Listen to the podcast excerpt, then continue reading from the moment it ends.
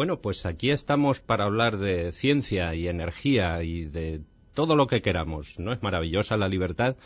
La libertad es aquello que usamos para venir en coche cuando deberíamos venir en transporte público. Y viniendo me preguntaba hasta cuándo vamos a poder quemar petróleo. Yo me gustaría darles una respuesta, pero me es imposible. Una respuesta tan, tan precisa solo la podría dar un adivino como Rappel. Probablemente sería falsa, pero sería una respuesta. Los científicos a veces nos limitamos a dar incertidumbres verdaderas. Pero si les interesa con qué energía moverá el mundo su hijo, sus nietos, pues bueno, podemos al menos especular y lo que me gustaría hacer es compartir con ustedes aquello en lo que yo he reflexionado, la importancia de la, ciencia, del avance científico y tecnológico para asegurarnos la energía del futuro.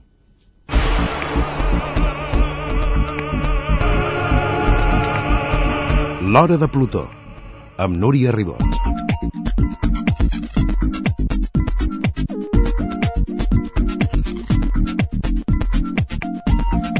Cosa que ens diferencia radicalment de les altres espècies del planeta és la manera com consumim energia. Tenim un model insostenible que està provocant una doble crisi energètica i medioambiental. Tothom està d'acord que cal substituir el model actual per un de nou, però no sabem quin serà aquest nou model. Pedro Gómez Romero és professor del Centre d'Investigacions de Nanociència i Tecnologia i sobretot és un gran divulgador de la ciència, un home que ens pot fer digeribles, entenedors, conceptes o plantejaments científics de vegades molt complicats. Treballa fent recerca per desenvolupar nous materials i n'ha publicat llibres de divulgació, com Un planeta en busca d'energia, guanyador del Premi d'Assaig Esteban Terreros. Pedro, molt bona tarda. Hola, bona tarda. Has dit un munt de coses al començament que m'han deixat així una mica sorpresa. Els científics dius que només podem dir o llançar incerteses veritables. Carai, i si els científics no ens podeu donar una mica la veritat, ho tenim complicat. Jo esperava que aquesta conversa d'avui em diguessis moltes respostes sobre el món de l'energia, per ejemplo. Uy, y, y, hay muchas respuestas, efectivamente hay muchísimas respuestas. Lo que pasa es que a menudo las respuestas al público le pueden parecer parciales. Eh, pero no se trata tanto, obviamente era una provocación lo de las incertidumbres verdaderas, pero parece que ha funcionado. Eh, claro que tenemos respuestas y, y de hecho, eh, hablando de respuestas y de futuro, eh, yo estoy absolutamente convencido de que si hay alguna solución para el problema de la energía, esa solución o soluciones, subrayo en plural, soluciones, vendrán precisamente de la capacidad que tengamos de crear, de crear nuevo conocimiento, ciencia y de crear nuevas tecnologías. Eh, sin duda, sin duda. Y, y por eso también estamos aquí para hablar de respuestas, aunque no sean tan ciertas com les de los adivinos. Jo em sembla que des que tinc memòria sempre he sentit parlar de l'energia, de noves energies, de com farem front als nous reptes, el món va avançant, només veiem aquest país Xina amb mil i pico milions d'habitants que s'ha posat en marxa d'una forma espectacular, només el consum d'aquest país, dius, bueno, d'on te sortirà tot això? D'algun lloc surt, però aquests llocs també tenen un punt final? Sí, eh, bueno, me alegro que hables de China porque efectivamente es una de las razones por las que en mis conferencias siempre eh, auguro, hago de adivino y auguro que... Pero no fas de rappel, ¿eh? No, no, no. No, una cosa más seriosa. Sí, como aquellos griegos, pero en vez de abrir las entrañas de animales para leer el futuro, pues simplemente haces uso de lo que sabes y del sentido común. Y a menudo en las conferencias planteo, el consumo de energía global va a seguir va a continuar aumentando en los próximos años, incluso en las próximas décadas. ¿Cómo podemos estar tan seguros de eso? Y lo resumo en una sola palabra. Es injusto resumirlo en una palabra, pero mi palabra es China, precisamente. Entonces, eh, efectivamente, con los años se ha ido confirmando aquella frase de cuando China despierte, se ha ido confirmando y cada vez más oímos esto. Lo que no oímos es que quizá, ¿por qué no?, aquí estoy soñando un poco, pero ¿por qué no? También la solución podría venir de China. Es decir, resulta, esto no lo he oído por ningún sitio, pero nos convendría pensar que si son eh, tantos millones de chinos, Si ya hay toda una generación de científicos e ingenieros chinos que se han formado en, en Estados Unidos, sobre todo también en Europa, y han vuelto a su país, y sobre todo, si el gobierno chino, que es tan monolítico y tan controlador, se da cuenta de que la energía y la hegemonía se parecen no solo en el final de la palabra, sino que tienen mucho que ver, a lo mejor esa combinación de cosas hace que vayan y se pongan duro a trabajar en una energía que no sea la del carbón, que es la que tienen ahora. Uh -huh. Però els xinesos, seguint amb aquest país, el que estan fent és saltar altres bandes. Estan a Àfrica, estan introduint-se en molts altres continents que, per exemple, Occident els ha deixat de banda o si ha entrat a vegades només ha estat per inclinar-se per guerres pels seus béns naturals. Però ells sembla que ho estan reconduint i ens estan deixant una mica sorpresos a tots, per exemple, amb la seva entrada en molts països africans, no? Sí, efectivamente. Eso supongo que tiene que ver más con eh, su percepción de que efectivamente, aunque China pudiera ser autosuficiente, eh, no le conviene serlo en el siglo XXI. Y están encontrando eh, todo tipo de amistades. Se critica mucho por aquello de los derechos humanos. Los europeos solo hacemos negocio con aquellos que se lo merecen. Los chinos hacen negocio con todo el mundo. efectivamente están buscando mercados, materias primas, lógicamente pero mm, de todas maneras eh, supongo que en cuestión de lo que ahora se conoce como capital humano eh, todavía no están buscando o no, no de una manera masiva. Eh, yo supongo que ellos confían en su propia gente y de vez en cuando vemos alguna noticia muy aislada en prensa que nos habla de que están desarrollando su propia tecnología de punto punto punto. ¿Por qué no tecnología energética? Uh -huh. Tu has dit més d'una vegada i també has escrit que el que es diferencia com a espècie, diguéssim, de les altres espècies, és el consum de l'energia. Què vol dir això? Bueno, eh, se puede explicar eh, fácilmente pensando eh, la de veces que nos empeñamos en encontrar diferencias entre nuestra especie y otros mamíferos. Y, uy, hemos encontrado cantidad de diferencias. Lenguaje.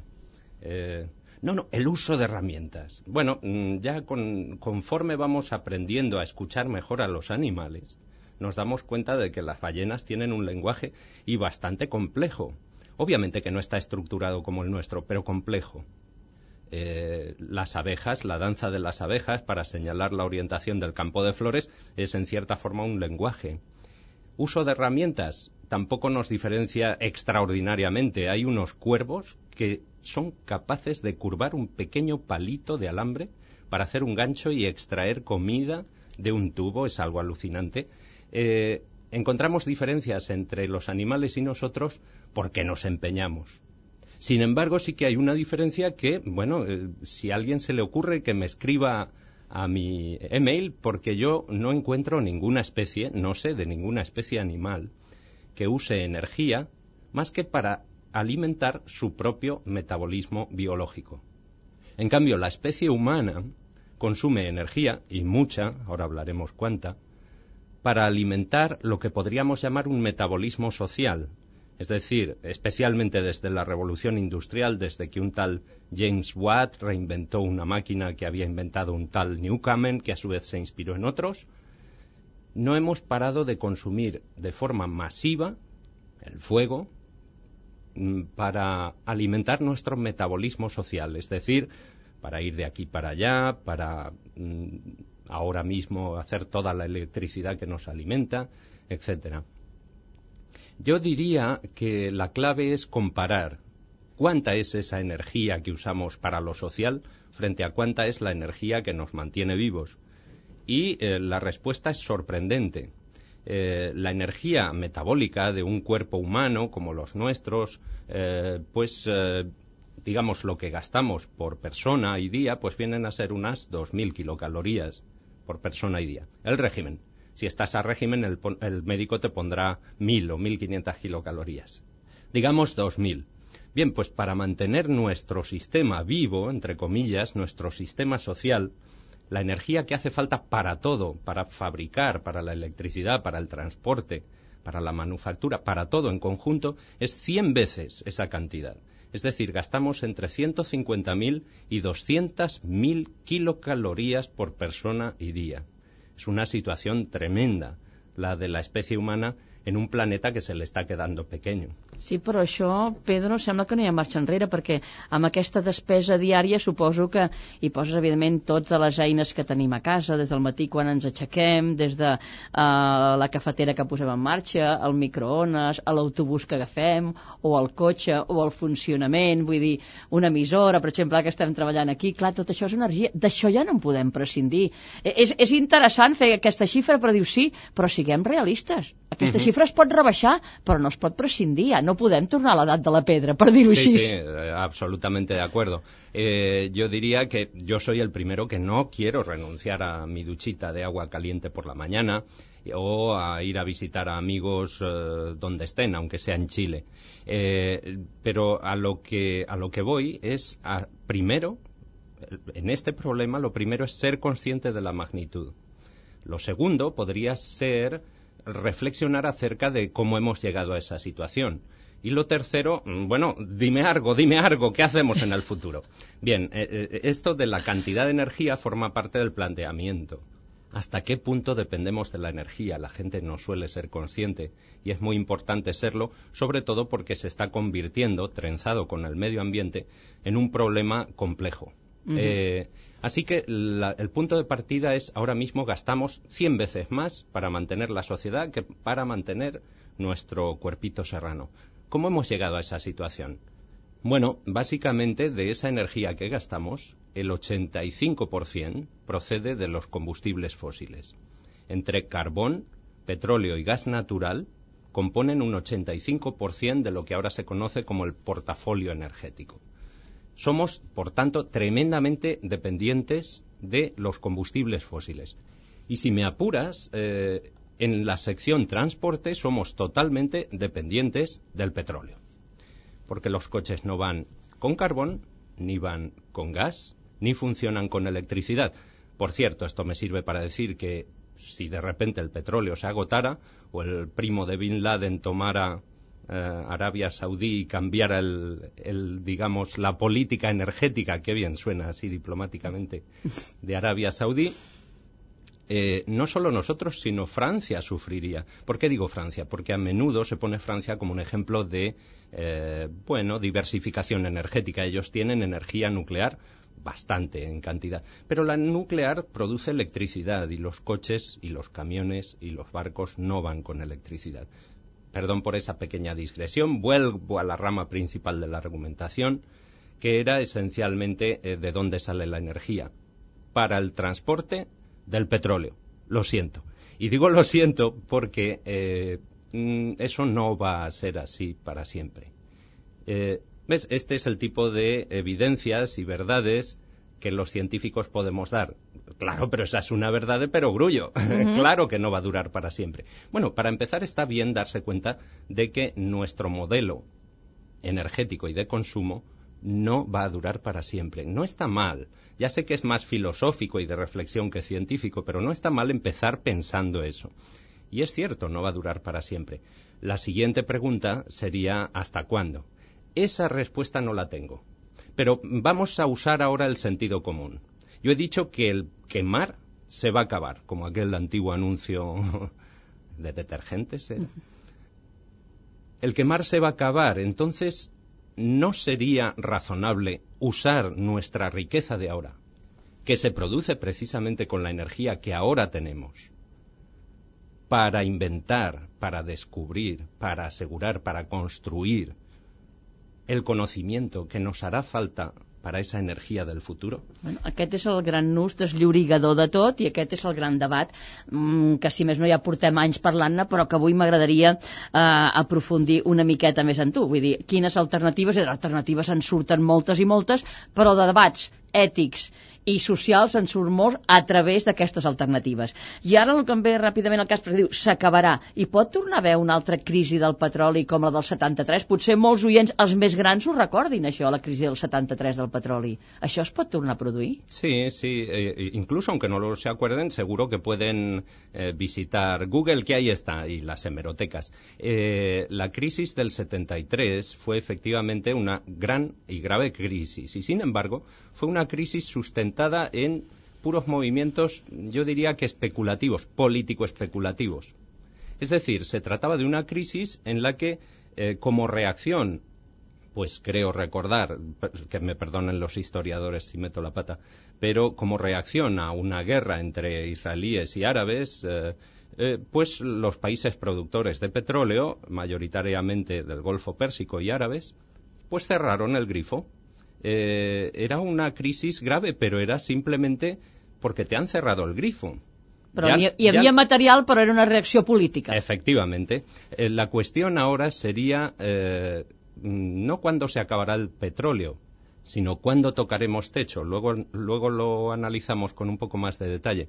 Eh, en ese momento, en ese momento, si nuestra eh, sed de petróleo sigue hacia arriba, tendremos un problema, pero no de tipo cerrar el grifo, sino eh, consecuencia de la percepción, al menos de, de los políticos y de los líderes mundiales, de que no hay tanto como necesitamos o como queremos, que en el fondo a estos efectos es lo mismo. Mm. Doncs bé, després parlarem d'aquestes alternatives i d'aquest debat que s'obre i també de les nuclears, que fa molts anys que està allà, que es tapa, i és una mica com un guadiana el debat de les nuclears. Es tapa, es destapa, però d'això en parlarem avui. Però abans, a la Pilar de Pedro ens farà cinc cèntims del nostre convidat d'avui. De qui és Pedro Gómez Romero.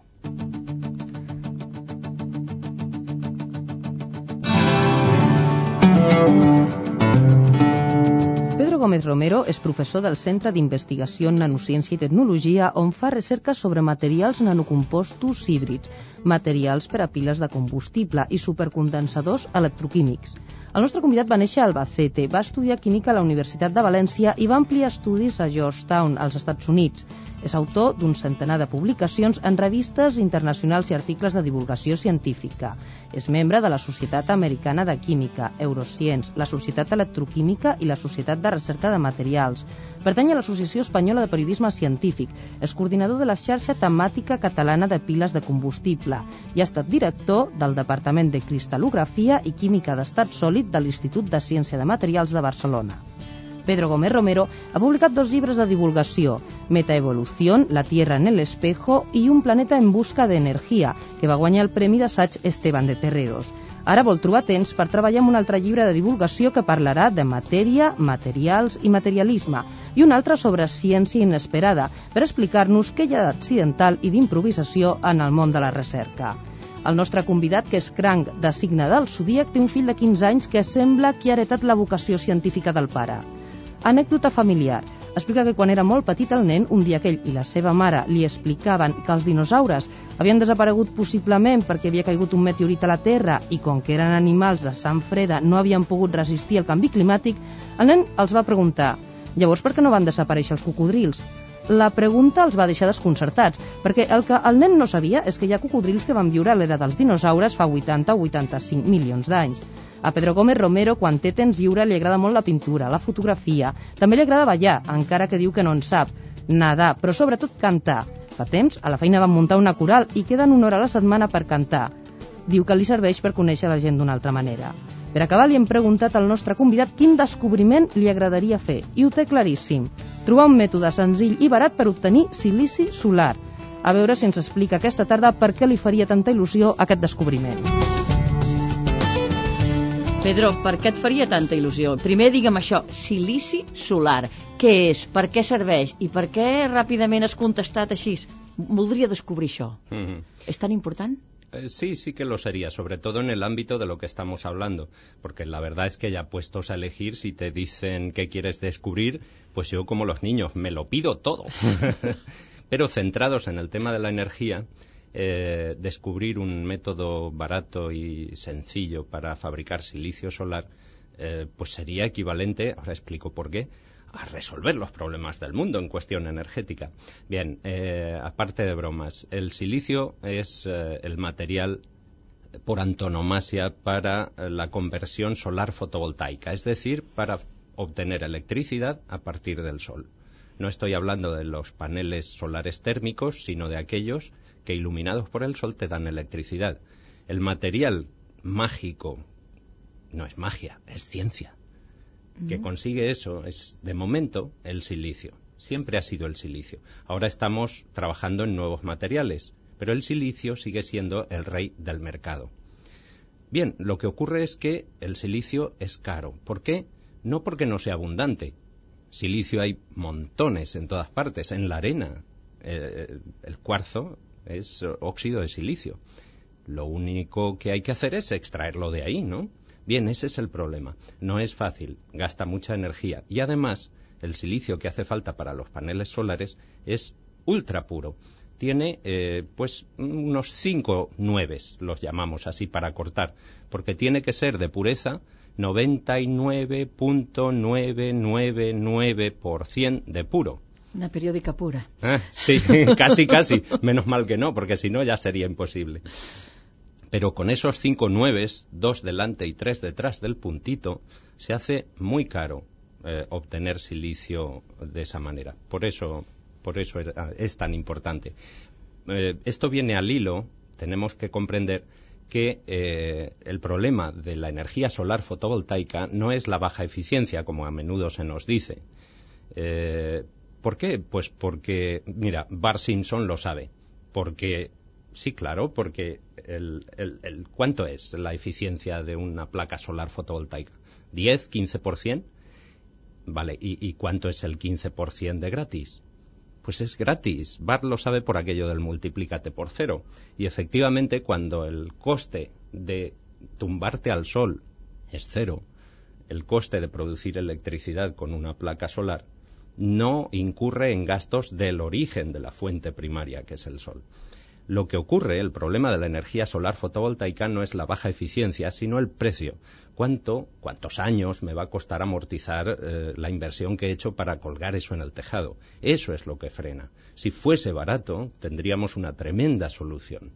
Solos obtendríamos electricidad, como con la nuclear, pero sería energía renovable i valdria la pena inclús canviar los cotxes elèctrics solo por eso. Uh -huh. A veure, tornem una altra vegada al petroli, que tu has dit que això, evidentment, arribarà un moment que s'acabarà, no saps quan, evidentment no saps quan, però el que està clar és que, per exemple, les setmanes enrere ja hem passat el barril de 100 dòlars, la factura energètica a Espanya el mes de desembre mateix ha estat la més alta de la història, això posa en perill també els índexs d'inflació i això realment es converteix en una, en una, en una arma terrible per qualsevol país. I pràcticament la majoria de països europeus en són dependents, fins i tot els Estats Units que en tenen també són dependents dels altres, només uh -huh. cal veure el president Chávez com utilitza el seu petroli, la seva riquesa amb aconseguir doncs, certs beneficis polítics no? amb, amb les seves relacions, però tots estem totalment eh, dependents d'això. Clar, pensant en els Estats Units, un país on la investigació és, a tothom els mirem, els mirem eh, com a referència, no? que no han pogut tirar en endavant amb això, que de fonts d'energia se'n parla de moltes, eh, que es parlen de les nuclears, però res soluciona el que és realment l'alternativa a l'energia, l'alternativa al petroli. A veure, com ho podem explicar això? Quins són els interessos que fa que no posem sobre la taula de dir, senyors, senyores, tenim aquestes fonts, n'hi han dues, dos i tres, aquestes són les parts positives i aquests són els inconvenients i ha d'arribar un moment que s'ha de valorar. No hi ha res per cent, el 100% positiu, com la nuclear, per exemple, però segurament s'haurà de fer un equilibri o un mix, com també de vegades es proposa, no? un mix de diferents energies. Per què això no es parla de forma clara i, i, i estem contínuament amb aquestes grans discussions dels grups ecologistes en contra, els altres a favors, els governs fent equilibris, etc etc etc. Sí, esa es una de las preguntas clave, los factores sociales. Eh, pero, bueno, eh, voy a tomar tu ejemplo de Estados Unidos para mm, ahondar un poquito en, esto que preguntas, en esos factores sociales. ¿Cómo es que no han hecho más por la energía? Eh, mira, precisamente Estados Unidos eh, se caracteriza por tener una sociedad muy dinámica. Yo estuve allí viviendo cinco años y conozco el país bien. Eh, es un país que admiro y me gusta, pero precisamente porque lo admiro y me gusta, tomo el espíritu jeffersoniano de Estados Unidos y digo que el líder que tienen ahora mismo es probablemente una de las peores cosas que le ha pasado a los Estados Unidos y al resto del mundo. Eh, ¿Por qué digo esto? Pues en relación a la energía. En el año 2003, el presidente Bush Jr. Eh, prometió 1.200 millones de dólares es mucho dinero, es mucho dinero, eh, para tirar adelante la economía del hidrógeno, las pilas de combustible, la energía del futuro, sustituir los coches con gasolina por coches con hidrógeno. Es mucho dinero, pero a los tres meses, básicamente pidió al Congreso de los Estados Unidos, pidió a su pueblo permiso para gastar 75 mil millones. En otra cosilla. ¿En qué? En empezar y mantener durante unos meses la guerra de Irak. Es decir, estamos hablando de uno frente a 75. Si gastaba uno para el hidrógeno y la energía del futuro, gastaba 75 para empezar una guerra que ha resultado desastrosa para todo el mundo, empezando por los iraquíes, obviamente. Bien, la guerra no ha acabado, por mucho que este hombre aterrizara en el portaaviones con el braguero aquel puesto. Eh, llevan gastados, según a quien se pregunte, si le preguntas a los eh, republicanos americanos, llevan gastados 500, 500 mil millones de dólares. Si le preguntas a los demócratas, dicen que hay costes escondidos que hacen que lleven gastados mil millones de dólares, es decir, un billón en la guerra de Irak. De uno que proponía gastar para el hidrógeno a mil es como un euro y mil euros, una peseta y mil pesetas. La relación es la misma. Eso nos da idea de hasta qué punto nuestro mundo está mal liderado. Eh, está liderado con una visión miope, a corto plazo. Quizá Bush tenga mm, buenas ideas para que su mercado, su economía, no se resienta de esto y lo otro, pero de una manera miope, sin visión de futuro. Obviamente Bin Laden no es mejor que, que Bush. Pero esa es una, digamos, cuantificación del problema. La segunda parte de tu pregunta es más difícil de responder. ¿Por qué no nos hemos sentado ya todos a hacer algo acerca de esto? Y efectivamente, pues hay gente que venimos diciendo que el problema es tan grave que no estaría nada mal una eh, acción internacional concertada de tipo, eh, pues incluso podría llegar a calificarse de seguridad nacional e internacional, por cierto. Eh, sin embargo, ahí no está claro mm, por qué no se hace. Al menos hablar, algo parecido a lo que se hizo con Kioto. Yo entiendo que los gobiernos no pueden cambiar el chip y pasar de una política a la contraria. Obviamente que no. Hace falta una continuidad. Pero una continuidad que cambie las cosas. Y lo primero que tenemos que decidir es cambiar hacia dónde si no hay gente que intente mirar más allá del corto plazo, es muy difícil, es muy difícil saber hacia dónde tenemos que cambiar. Por eso lo principal y lo más importante podría ser una especie de Kioto para la energía. En realidad, Kioto ya implica energía, porque como he dicho antes, medio ambiente y energía són problemes trenzados. Sí, medi ambient i energia, com tu deies. I, a més, som com dos cares de la mateixa moneda i quasi sempre enfrontats. Sembla que no és possible, diguéssim, a l'avenç eh, energètic, el tirar endavant projectes, si no perjudiques el medi ambient, o això és el que ens volen vendre alguns. No és possible conciliar? Sí, eh, yo creo que sí que es posible. Quizás soy un optimista empedernido, pero yo creo que es posible. Eh, al menos, vamos a decir, eh, lo has mencionado antes, no hay nada, no hay ninguna tecnología exenta de riesgos ni de problemas, pero lo que sí que está claro, lo que yo creo que sí que podríamos dejar claro es la dirección, el cambio, hacia dónde. Es decir, cómo podemos hacer para que los problemas, que sin duda alguien los encontrará, vayan hacia menos en vez de hacia más. E, en ese sentido, yo defiendo la necesidad de hurgar en nuestro conocimiento, de profundizar en, investigación y desarrollo de energías, eh, digamos, relativamente benignas con el medio ambiente, como las renovables, la solar, sin sin ir más lejos, frente a usar lo que ya tenemos. Es decir, yo me enfrento en cierta forma a la tendencia que tienen de forma natural, es lógico, los ingenieros y, eh, digamos, la gente que, encarga las políticas a, corto plazo, que no pueden más que usar lo que tenemos. Y por eso a veces dicen, nos va a hacer falta la energía nuclear. Eh, desde un punto de vista pragmático yo estoy de acuerdo. El problema es tan grave que a lo mejor nos hace falta todo lo que tengamos a mano. Pero desde un punto de vista de la big picture que dicen los americanos, la, la, digamos, visión global del problema, alguien tiene que decir, estaremos mejor si ahora investigamos la energia solar. Sí, tu has tret el tema de l'energia nuclear i aquest, com deia abans, és un, és un debat etern, que jo també el recordo, sembla que, que tinc ús de raó, i és com una mena, una mena de guadiana que va sortint. I llavors sempre es, es presenta, diguéssim, la diatríba de sí o no. No hi ha matitzacions amb l'energia solar? Eh, nuclear. Perdón, nuclear. Sí, bueno, sí y no, porque en realidad, eh, para empezar, hay dos tipos de energía nuclear. La que ya tenemos, eh, comercial, que es la de fisión, eh, y una que siempre está en el horizonte, que es la de fusión. Entonces hay cierta matización porque efectivamente la energía de fusión sería bastante menos dañina, no tiene residuos eh, eh, de alta radiactividad como, como tiene la de fisión. Eh, sin embargo, eh, cuando se plantea, vale, pero la que hay ahora, sí o no, es difícil matizar.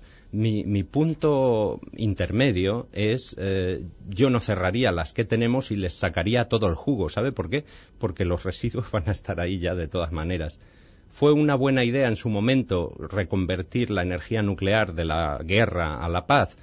Quizás sí, probablemente no. Mm -hmm.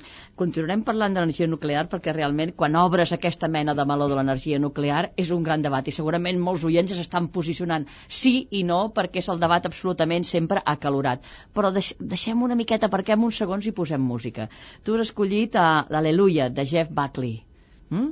Sí? I quina cara fas? M'agradaria que això si fos tele veuríeu la cara que, que fa ¿Cuento la anécdota o quizá Uh -huh, luego? uh -huh. Bueno, eh, esta, esta canción la escuché por primera vez hace años, ya no me acuerdo ni cuántos, en la radio precisamente. Iba conduciendo y la puso Ramón Trecet en Radio 3. Me impresionó tanto que todavía recuerdo el sitio donde escuchaba la canción.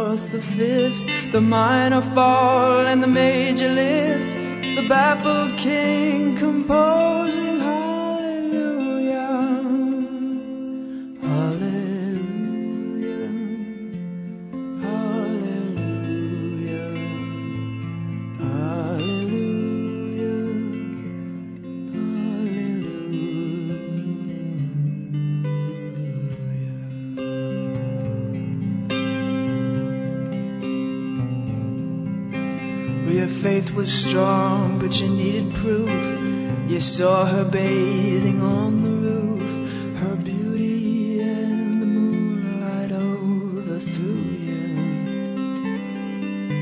And she tied you to her kitchen chair, and she broke your throne, and she cut your hair, and from your lips she drew the hallelujah.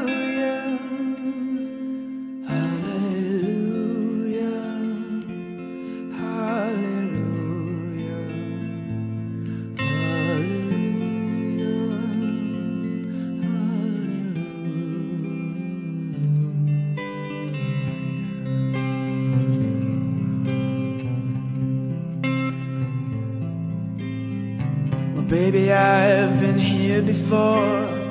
I've seen this room and I've walked this floor. You know, I used to live alone before I knew you. And I've seen your flag on the marble arch. And love is not a victory march. It's a cold and it's a broken hallelujah. Hallelujah.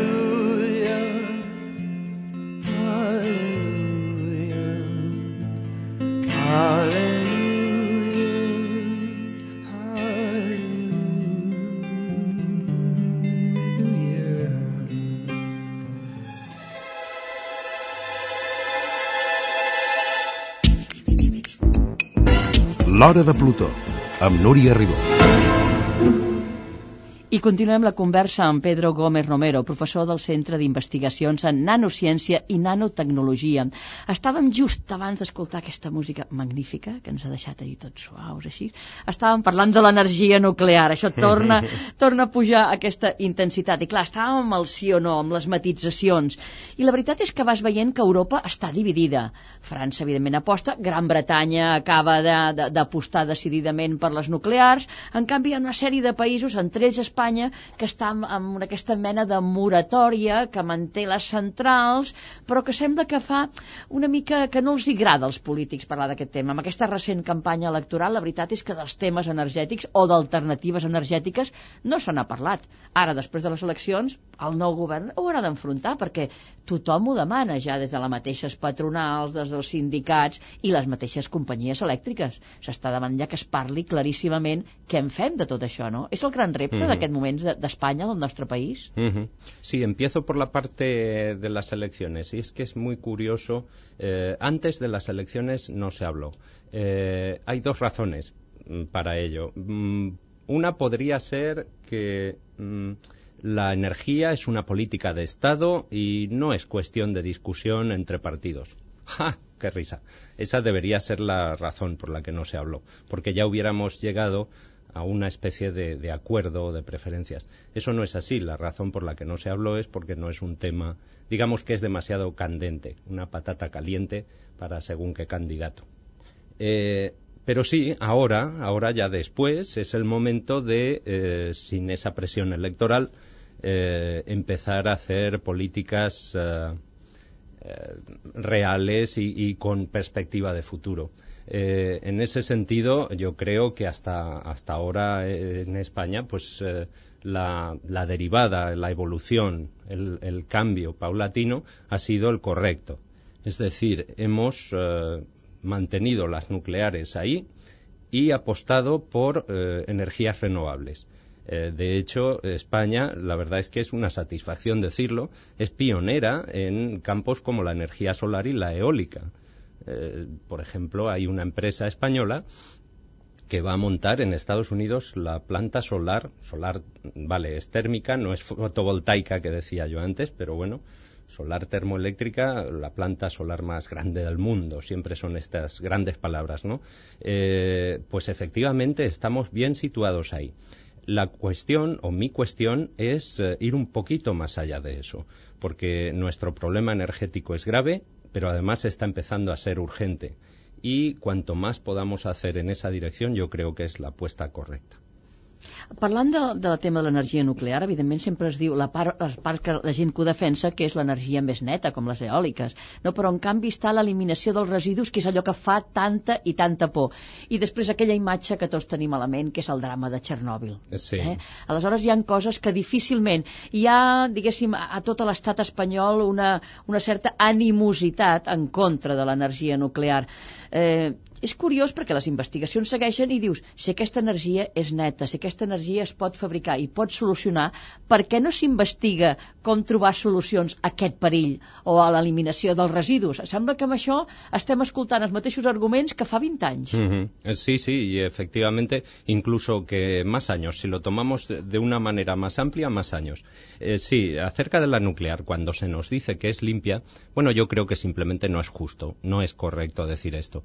Eh, eh, a veces eh, los técnicos lo dicen más correctamente y hablan de que es una tecnología energética que no emite CO2. De acuerdo, correcto. Aún así, algo emite, algo emite teniendo en cuenta todo el ciclo completo de, la energía nuclear. Pero, eh, aparte de eso, aparte de que no emita o casi no emita CO2, la cuestión es que produce otros residuos, otras basuras.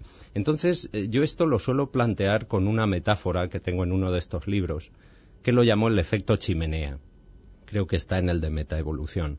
El efecto chimenea es algo que los humanos hemos usado desde el principio de los tiempos, desde el fuego. Haces fuego en una cueva y el humo, que no puedes respirar, que te atosiga y te hace toser, se lo llevan los dioses hacia arriba. Es maravilloso el mundo. Y luego, cuando ese mismo fuego alimenta eh, plantas de producción de hierro, y hay grandes eh, factorías en la revolución industrial inglesa, construimos literalmente la chimenea y el humo se lo llevan los dioses. Pero somos tanta gente que ya ese humo empiezan a devolvernoslo los dioses. Y tenemos chimeneas en todas partes, tenemos chimeneas en nuestros coches, tenemos coches con, con chimeneas. ¿Por qué? Porque no queremos respirar eso dentro del coche. Tenemos chimeneas a las que llamamos emisores submarinos. Se coge toda la basura, se mete por un tubo, se tira varios kilómetros mar adentro y se suelta. Y los dioses se las van a llevar. Y la última chimenea son precisamente los depósitos uh, de alta profundidad para almacenar los residuos tóxicos radiactivos de centrales nucleares, de medicina, etcétera. Mm, para mí, que vengo de Plutón, por cierto, eh, eh, yo veo que no es una política sabia. Es decir, en esta hora de Plutón, eh, yo estoy haciendo un poco el papel del extraterrestre que viene en su platillo volante y analiza nuestra sociedad. Nos diría muchas cosas, nos daría muchos consejos y probablemente nos pondría una lista cuasi infinita de las cosas que hacemos mal, que no tiene sentido hacer. ¿Cómo no usar el sol, que es la fuente primaria de energía, para sustentar nuestra vida, que es lo que el sol ha hecho toda la vida desde que hay vida en la Tierra? Uh -huh. Pedro, si tu poguessis decidir uh, quina és l'energia que potenciaries i que creus que és la que realment és neta, és eficaç i que no, no s'acabaria. Apostaries per a la nuclear? No, no, apostaría por la energía solar, precisamente. Estaba un poco ahí al hilo de lo que estaba diciendo antes. Matizaría en el sentido de que, alguna vez lo he dicho, eh, a corto plazo, para resolver nuestra, nuestro problema de energía, eh, no tenemos una bala de plata, no hay una solución única, no hay un botón que tocar, pero sí eh, la esperanza de que tenemos una especie de perdigonazo de plata, es decir, que tenemos muchas pequeñas soluciones que sumadas pueden eh, contribuir a, resolver nuestro problema. Pero desde luego eh, la nuclear para mí no sería la solución. Desde luego no lo puede ser por sí sola y como componente de ese portafolio, pues bueno, quizá como un mal menor, porque el problema es gravísimo. Pero insisto en que las renovables contribuirán sin duda a que creemos una sociedad mucho más sostenible. Eh, aquellos eh, románticos de los 70 e incluso hasta los 80 que hablaban tenemos que ir hacia un mundo sostenible, que eran unos utópicos y redentos y decían unas cosas sin sentido. ¿Saben qué? Que tenían razón.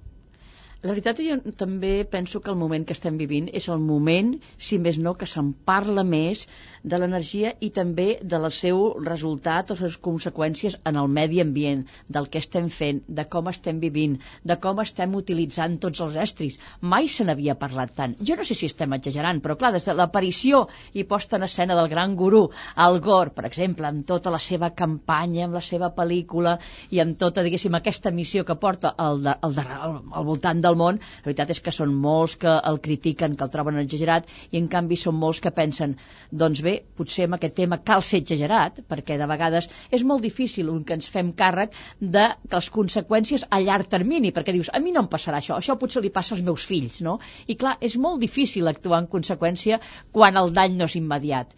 Estem exagerant? Eh, ha anat bé aquest posicionament que hi ha al món cada vegada més des dels grups ecologistes que estan més batalladors que mai, amb l'Algor un munt de, de, de, de, de, en aquest sentit? Yo creo que no es uh, que, haría falta lo que ha hecho Al Gore y más, fíjate, eh, para ser ya empezando radical. Eh, hay muchos colegas que critican a Gore como una persona sensacionalista y puede que sea sensacionalista, personalizando el problema, haciéndose el centro de la escena y puede que lo sea. Hay muchos que le han criticado que han dicho cosas incorrectas y es probable que haya sido así, concretamente en torno a los huracanes. Todavía no sabemos pero ahí está el problema. Si le preguntas a un colega científico, ¿me puede usted asegurar que la mayor frecuencia de huracanes de tipo 5 en el Golfo, tal, tal, se debe al cambio climático, el científico, por aquello de las incertidumbres verdaderas, dirá, hombre, asegurar 100% no. Bueno, Algor no es científico, así que se puede permitir decir, entre comillas, lo que le dé la gana.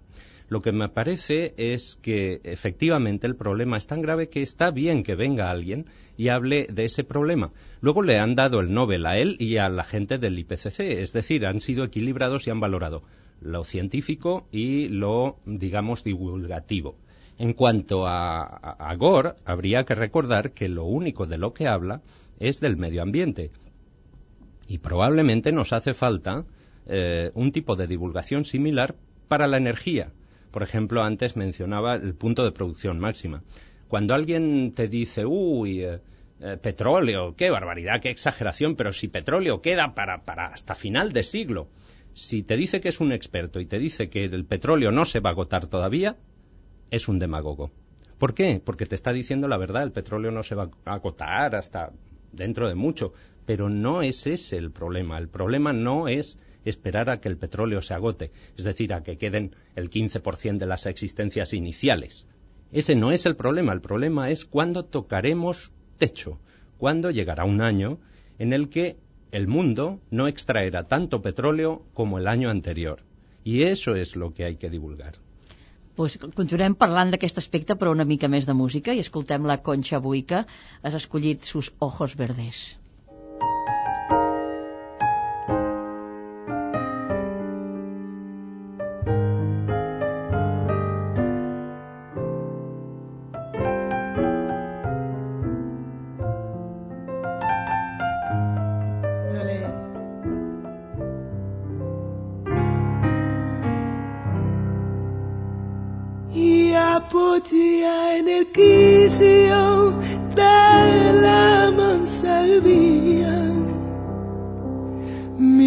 encenderse la noche de mayo.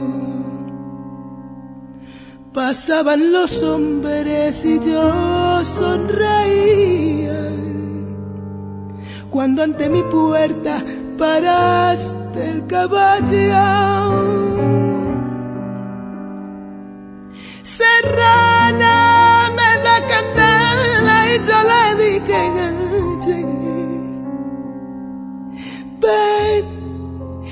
toma de mi labio que yo fuego te daré. Dejaste el caballo y lumbre te di y fueron tus ojos de luz verde de mayo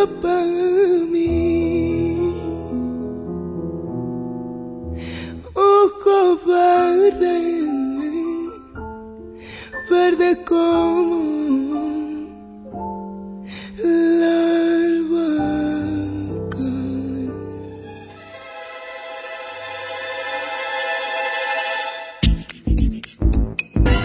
L'Hora de Plutó, amb Núria Ribó.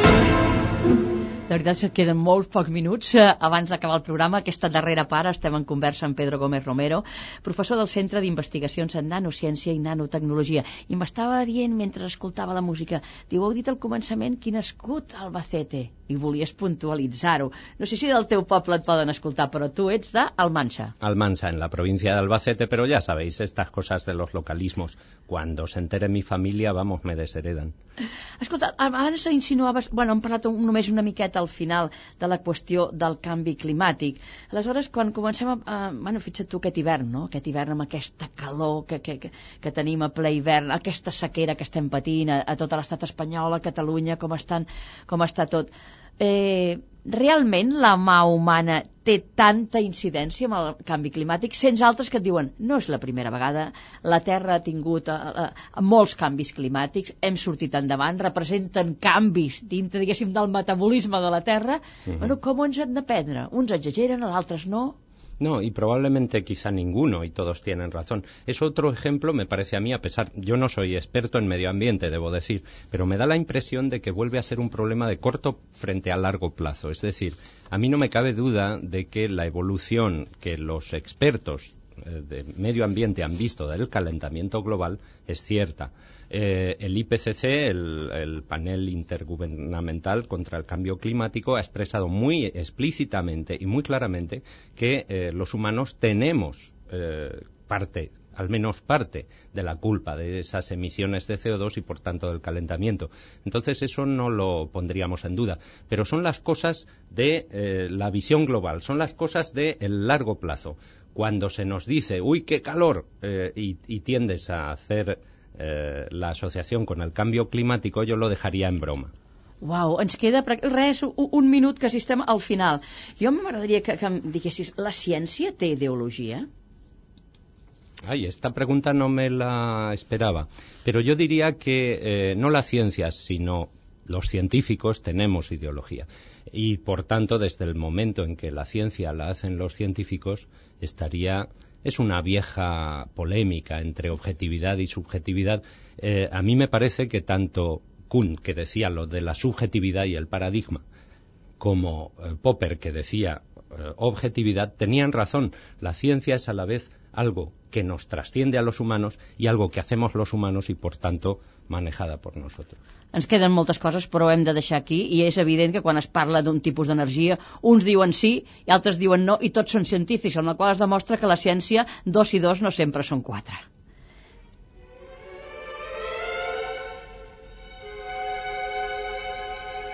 I acabem amb una peça que s'ha escollit, deixa'm que ho llegeixi textual. Even, no Andrò Lontana, de l'òpera La Guali, mm -hmm. mm? amb la Renata Tebaldi.